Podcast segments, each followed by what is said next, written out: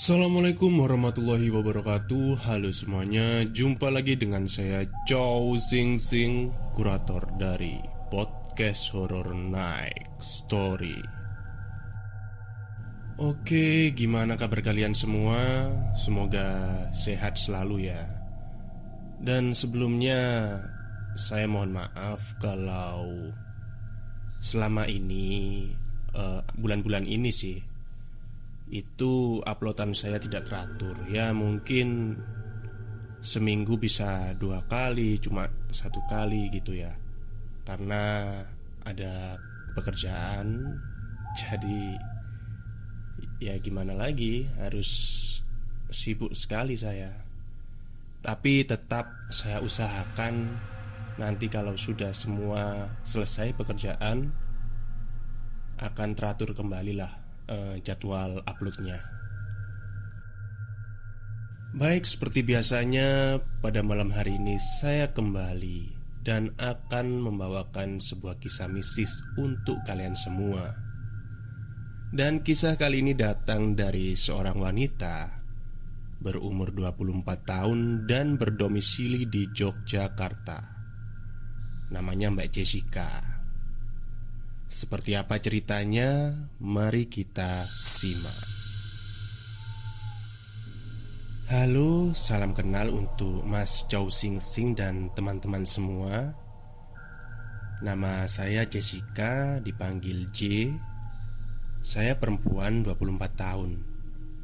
Domisili sekarang berada di Yogyakarta. Ini cerita saya sewaktu masih duduk di bangku SMA Tepatnya kelas 12 di salah satu SMA negeri di kabupaten dekat Yogyakarta. Jadi latar belakang tempat cerita ini bukan di Jogja Tapi di sekolah saya yang ada di salah satu kabupaten di Jawa Tengah. Dan lokasinya berdekatan dengan Jogja. Dulu di kelas saya memiliki teman. Dia laki-laki dan tidak jarang saya melihatnya berbicara sendiri. Sebenarnya sih tidak sendiri.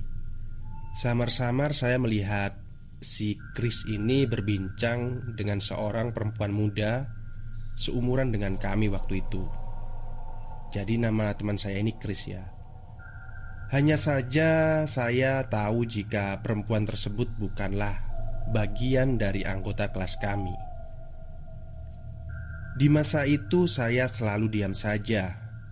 Tidak menegur Chris Atau bahkan membicarakan sikap aneh Chris dengan teman-teman lainnya. Saya kira tidak akan ada orang lain yang menyadari Chris berbicara sendiri. Saya merasa saya saja yang aneh. Mungkin karena berhalusinasi atau yang lain gitu Waktu itu karena kami kelas 12 dan sudah mendekati ujian nasional Maka sekolah kami memberi kami jam pelajaran tambahan Yaitu jam ke-0 Jam ke-0 adalah jam pelajaran yang diadakan sebelum jam pertama dimulai.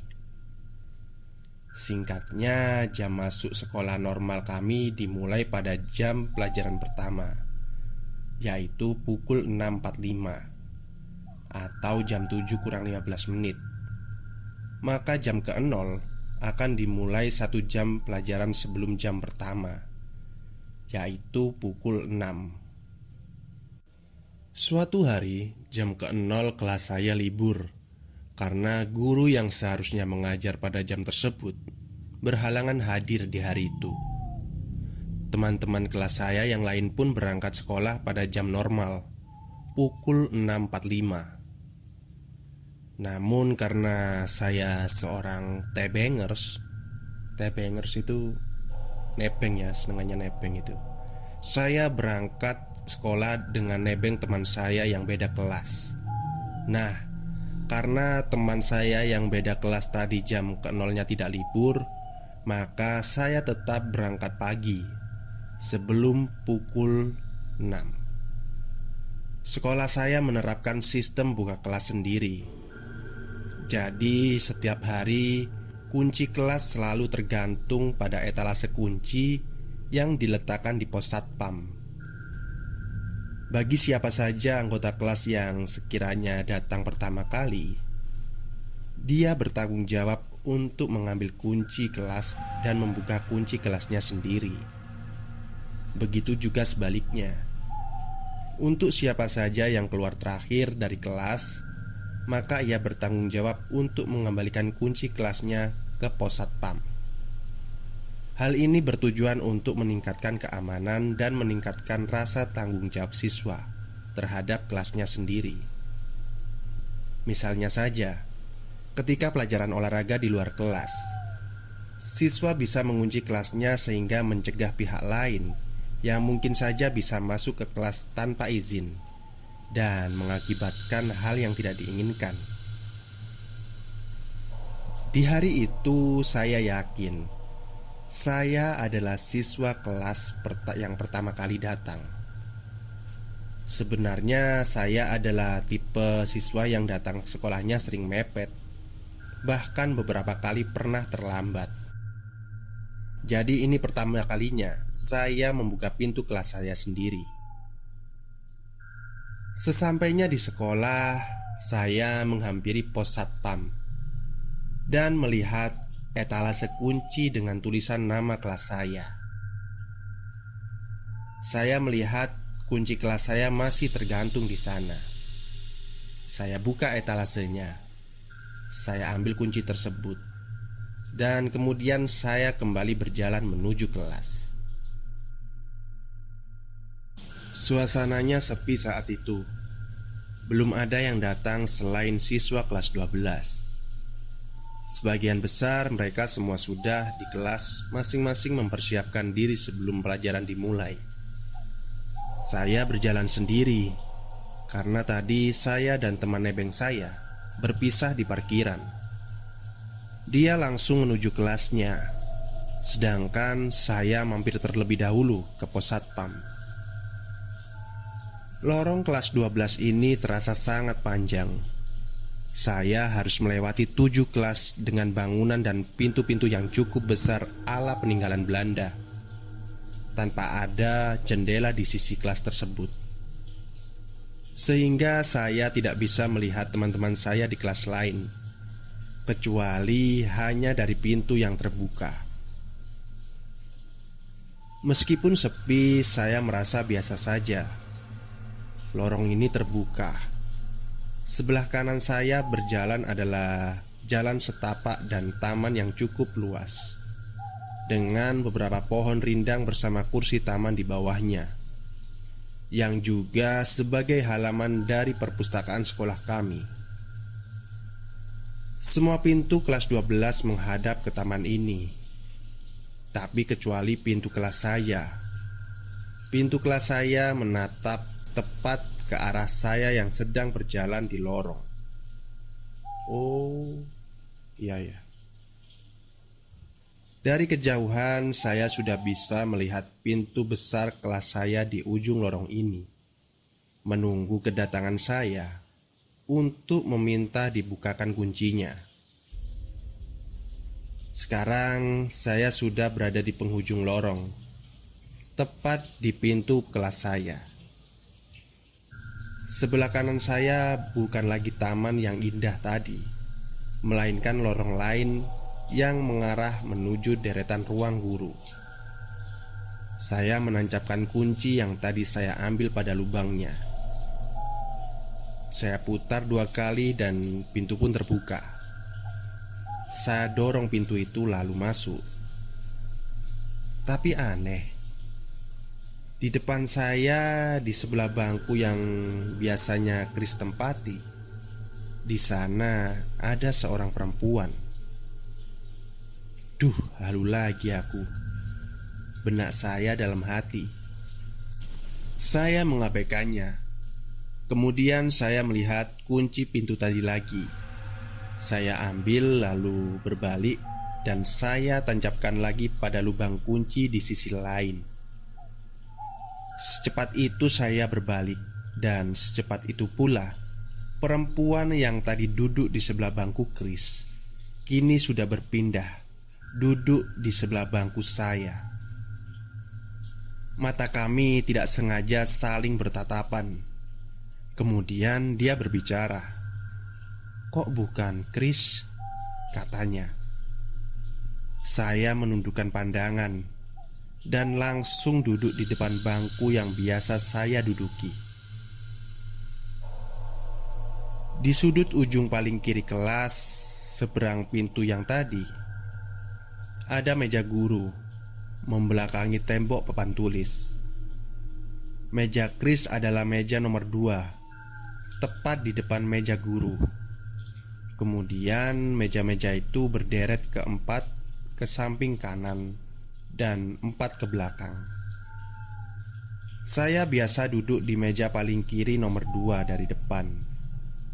Bangku yang paling dekat dengan pintu adalah bangku paling kiri yang terdepan. Di sinilah saya sekarang Sejenak pantat saya baru duduk di bangku Perempuan tadi sudah secepat kilat Berpindah duduk di sebelah saya. Ia menoleh dan kembali menatapku. Spontan saya berkata Biasanya yang pertama datang Chris ya? Perempuan itu mengalihkan pandangannya Dan menjawab Iya. Dan kemudian menghilang. Saya menarik nafas panjang, berhenti sejenak. Kemudian saya hembuskan dengan kencang. Tapi nanti siang ada praktek bahasa Inggris. Saya harus bergegas membuka buku pelajaran dan kemudian fokus menghafal. Cukup lama setelah kejadian tadi, Tiba-tiba pintu kelas berbunyi dan bergerak Sedetik kemudian muncullah sosok yang saya kenal. Chris datang dengan menjinjing waveboardnya. Maklum, rumahnya cukup dekat Jadi wajar saja ia berangkat sekolah dengan mengendarai waveboard. Waveboard itu semacam skateboard roda dua gitu. Chris muncul dengan wajah keheranan sambil berjalan ke arahku. Mungkin ia heran. Tumben-tumbenan saya sudah datang. Tapi saya memotong keheranannya dengan berkata, "Chris, tadi ada yang nyariin." Kemudian ia bertanya, "Hah? Siapa?" Itu yang biasanya kamu ajak ngobrol tiap jam kosong Hah? Keheranannya semakin meningkat Biasanya kalau jam kosong ada yang datengin kamu kan Terus kamu ajak ngobrol gitu dia. Aku sering lihat kok Kataku Kali ini Chris sudah tidak dapat menahan ekspresi herannya. Matanya melotot menatapku. Alisnya dikernyitkan dan mulutnya terbuka lebar. Kurasa otaknya sedang loading. Chris menutup matanya sambil memberi isyarat Bentar-bentar Pertama Kukira nggak ada yang tahu kalau aku suka ngobrol sendiri Kedua Aku sendiri nggak tahu Aku cuma ngerasa tiap aku duduk sendirian di sana ada yang ngedeketin aku. Karena aku gabut, ya udah, aku ajak ngobrol. Meskipun aku sendiri ngerasa kayak orang gila. Aku hanya diam mendengarkannya. Sampai Chris berkata lagi, "Jadi, selama ini memang ada yang kuajak ngobrol. Kamu lihat." Saya dan Chris pun akhirnya berbincang menceritakan kejadian yang tadi saya alami. Sampai beberapa teman pun datang dan kami kembali pada aktivitas kami masing-masing. Seingat saya, hubungan saya dengan Chris sebelumnya memang sudah dekat. Kami pernah berada dalam satu acara dan mengobrol akrab cukup jauh sebelum kami ditempatkan di satu kelas yang sama. Namun setelah kejadian yang saya ceritakan Kami jadi sering ngobrol Cie Chris berulang-ulang kali bertanya Bagaimana sosok perempuan tersebut Meski sudah saya jelaskan, Chris tidak pernah puas dan terus saja bertanya. Suatu ketika ada layanan pembuatan KTP serentak di kelas kami Di sekolah kami maksudnya Bagi siapa saja yang berumur sudah maupun mendekati 17 tahun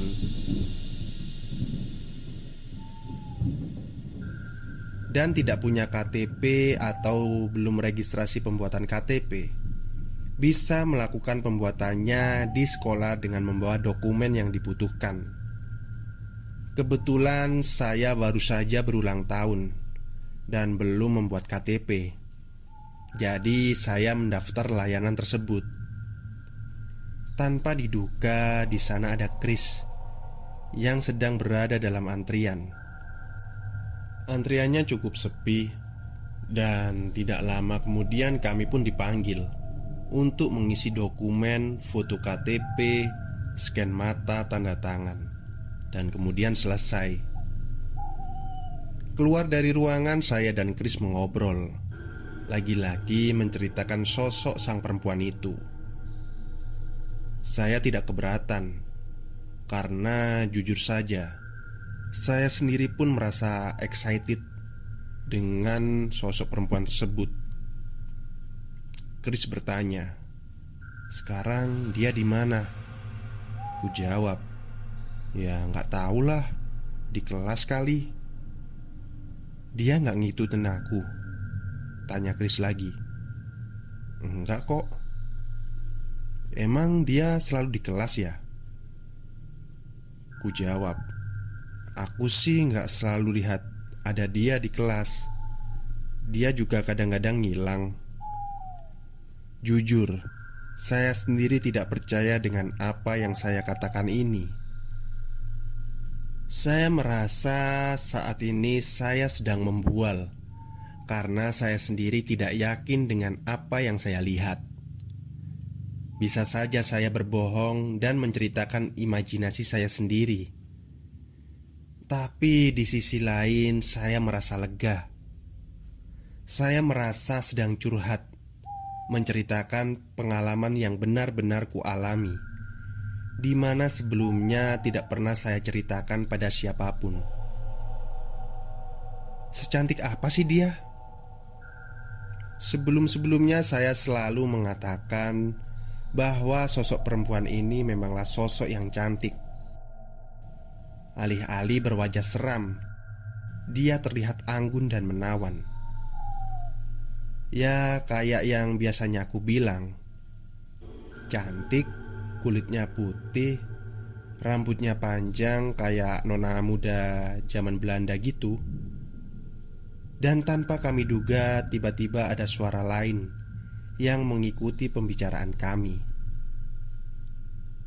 Kalian lagi ngomongin Mbak Cantik ya? Ternyata itu adalah teman kelas kami Yuli Sudah lama dia mendengarkan pembicaraan kami. Loh, kamu Lihat juga toh? Tanyaku kaget. Iya Yang sering duduk di sebelahnya Chris itu kan? Lanjut Yuli. Eh iya bener. Sikapku mulai heboh. Cantik Rambutnya hitam panjang Pakai gaun warna putih Brenda 3 per 4 Ucap Yuli Dan aku mengangguk-angguk setuju Karena aku juga melihatnya. Ya bener kan, cantik banget. Kita yang cewek aja iri Sama cantik dan gaunnya Kata Yuli. Saya dan Yuli sangat heboh Seperti cewek-cewek K-popers Yang sedang membicarakan idol K-popnya yang ganteng-ganteng. Ampun, kalian heboh banget. Bikin aku makin penasaran aja Kata Chris menanggapi kami. Sesaat setelah itu pun akhirnya saya berpikir Ternyata apa yang saya lihat memang benar-benar nyata. Ada beberapa orang yang juga melihat apa yang saya lihat. Dan ternyata saya tidak berhalusinasi.